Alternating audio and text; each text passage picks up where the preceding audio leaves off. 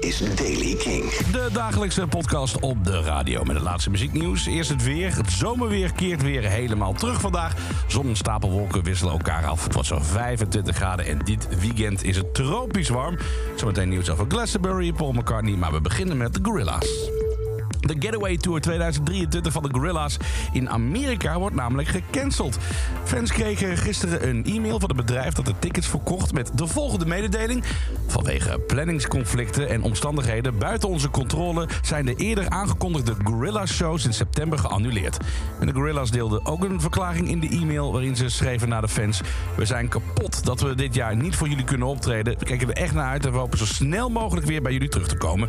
We houden van onze Gorilla's family en we kunnen niet wachten om jullie weer te zien.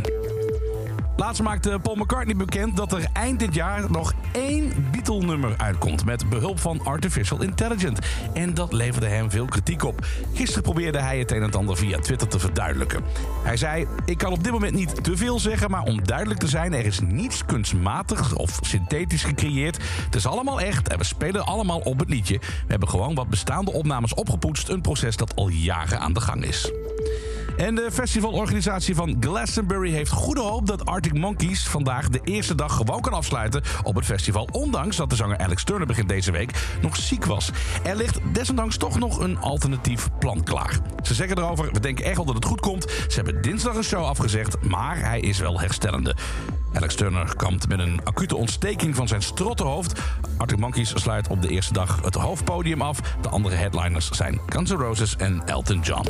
En tot zover de Daily King van vandaag. Wil je niets missen? Luister dan zeker iedere maandag tot en met donderdag naar uh, Jasper Leidens. Kink in Touch tussen 7 en 11 met het laatste muzieknieuws. Of abonneer je gewoon op deze podcast.